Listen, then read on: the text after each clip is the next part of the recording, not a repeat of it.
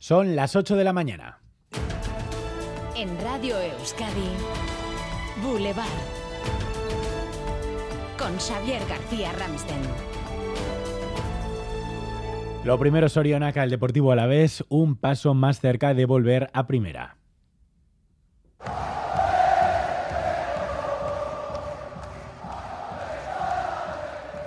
Al Alavés le queda todavía ganar al Levante, sí, y a Leibar le tocará esperar un año más en Segunda División. Así que alegría hoy en Gasteiz y también en Donostia mucho movimiento por temas deportivos y es que la capital guipuzcoana acoge desde hoy las dos semifinales de la Liga Francesa de Rugby. Se esperan en Donostia muchísimos aficionados y un impacto económico directo de entre 12 y 15 millones de euros. También afecciones al tráfico desde el Real Arena, Laida Basurto, Egunon.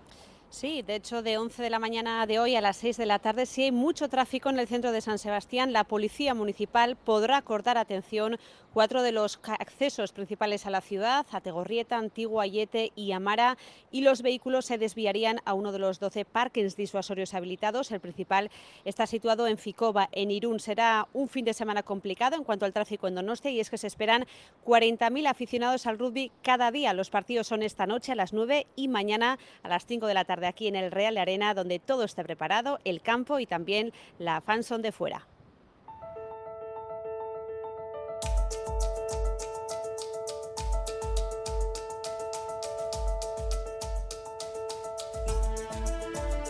Pues van a apurar los plazos, parece que hasta el final Podemos y Sumar siguen sin ponerse de acuerdo y el plazo para presentar coaliciones termina hoy a las 12 de la noche.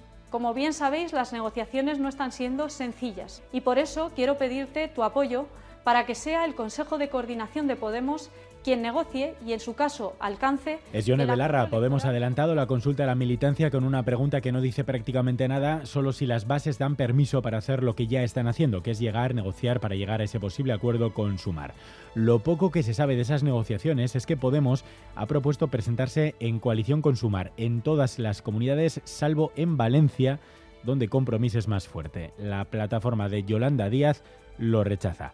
Así están las cosas a un mes y medio para las elecciones generales y la Junta Electoral Central se ha reunido para acordar dos cosas importantes. Una, si tenemos un desplazamiento o un viaje de vacaciones contratado antes de la fecha de convocatoria de las elecciones, podremos presentarlo como excusa válida para no formar parte de la mesa electoral. Santiago Romero, presidente de la Junta Electoral de Zona en Gambara vamos a ser eh, generosos con, los, con las excusas y con la acreditación. Es decir, tampoco vamos a pedir que nos presente todo el plan de planning de, vacaciones, que, bastaría, pues eso lo que digo, reserva de hoteles, los justificantes de los billetes. O incluso decía un justificante de trabajo si es que uno se va a la casa del pueblo. En la calle, ¿cómo se valoran estas decisiones? Unidad Móvil, Natalia Díaz. Egunon, pues bien, la verdad, nos hemos encontrado a la gente ya más tranquila ahora porque sí saben que pueden quedar exentos si justifican que están de vacaciones. Vamos a escuchar algunos. Hombre, todo lo que sea flexibilizar a la gente y que descanse unos días, me parece todo bien. Yo pienso que el que tenga cogido algún viaje lo normal es que le dejen marchar. Si tengo que trabajar, tengo claro que no tengo que ir a la mesa electoral, mañana no justificante, lo que sea. o sea, que bien, contento. Contento, sí, bastante contento. Sí. Yo creo que deberían de coger a gente del paro, más que a los que están trabajando y a muchos que les van a fastidiar las vacaciones, claro. Sí, hombre, desde luego es mejor. Lo que pasa es que a ver quién va a quedar luego bueno, escucharemos aún así también las dudas de, por ejemplo, autónomos, estudiantes o gente que está en paro. Y la Junta Electoral también ha decidido que será obligatorio presentar el DNI cuando se vote por correo. Además, dentro de una hora nos visita Ramón Alzorriz, el secretario de organización del PSN. Le preguntaremos si da por garantizada la abstención de H. Bildu para que María Chivite vuelva a ser presidenta y si da también por hecho que UPN gobernará el Ayuntamiento de Pamplona.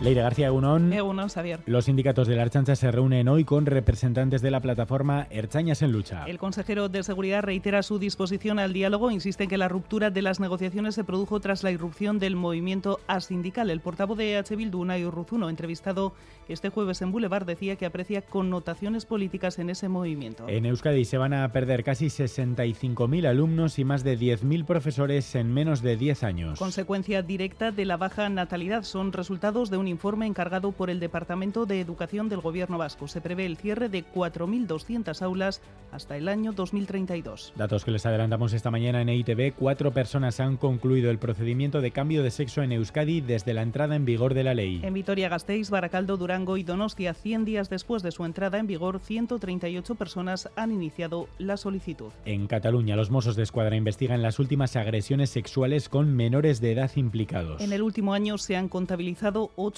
agresiones en grupo. Se ha detenido a 21 personas y 20 son menores de edad. Además, 13 tienen menos de 14 años, por lo que no pueden ser imputados legalmente. Y el expresidente de Estados Unidos, Donald Trump, declarará ante el Tribunal Federal de Miami el próximo martes. Imputado por segunda vez, está acusado de quedarse con documentos clasificados tras su salida de la Casa Blanca y de obstrucción a la justicia. Se enfrenta a siete cargos criminales. Y otro dato que les estamos adelantando esta mañana en Boulevard, aquí en Radio Euskadi, la mitad de los jóvenes vascos ya no se saca el carnet de conducir. Sonia Hernando. Cumplir los 18 y sacarse el carnet es lo que hacían 8 de cada 10 jóvenes hace muy pocas décadas, ahora lo hace poco más de la mitad. Año a año hay un descenso continuo del número de personas que se sacan el permiso de conducir y además en todas las franjas de edad. 13.000 jóvenes se sacaron el carnet el año pasado, hace una década 15.200. El descenso de la natalidad, el dinero que supone y también los nuevos hábitos de movilidad de los más jóvenes son las razones que explican este continuo descenso. Y los deportes, César Pérez Gazola, Cegunón. bueno, Xavier. El Deportivo Alavés jugará la final por el ascenso a Primera División. Sí, 2-0 ganaba anoche Mendizorroza en Vitoria, el conjunto gasistarra. A Leibar, en la vuelta de las semifinales, un gol de Abde en el primer minuto de partido y otro de Asier Libre en el tramo final. Dejaban fuera de la pelea por el ascenso a un Eibar que, como el año pasado, ha ido de más a menos esta temporada. Ahora el Alavés deberá eliminar al Levante para ser equipo de Primera División. Boulevard. El tiempo. Previsión para hoy y para el fin de semana Euskalmet, Mayaleniza Egunon. Egunon, hoy se mantiene la misma tónica. Seguimos con viento del sur y temperaturas altas. Durante la mañana el viento soplará con algunas rachas fuertes y por la tarde las máximas de nuevo alcanzarán los 26-28 grados, aunque a lo largo de la tarde irá entrando el viento del noroeste desde la costa. Por la mañana veremos nubes y claros y puede caer alguna gota puntual. Por la tarde volverán a aparecer nubes desarrolladas y se pueden dar chaparrones con algunas tormentas. De modo que hoy seguimos con calor y no esperamos muchos cambios. Para el fin de semana continuamos en la misma línea. Mañana por la tarde el viento irá girando norte y cerca de la costa las máximas bajarán hasta los 24-26 grados, pero en el resto las temperaturas serán parecidas. El domingo estará más nublado y por la mañana puede llover un poco.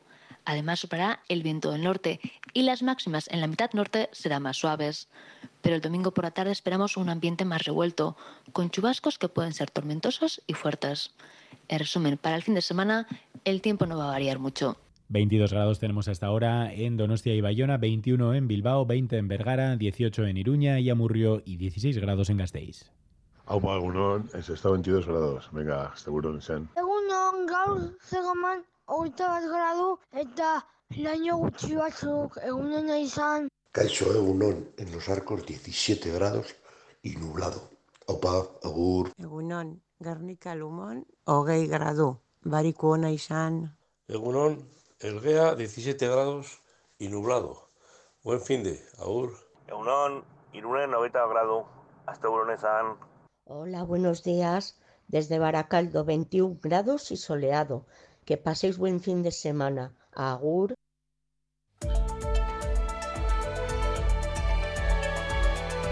Boulevard. Tráfico. Sin problemas en carretera, según el Departamento de Seguridad del Gobierno Vasco y el Gobierno de Navarra. Ayúdanos a mejorar nuestra información con tus comentarios, fotos y vídeos. Envíalos al WhatsApp de Radio Euskadi 688 840 840.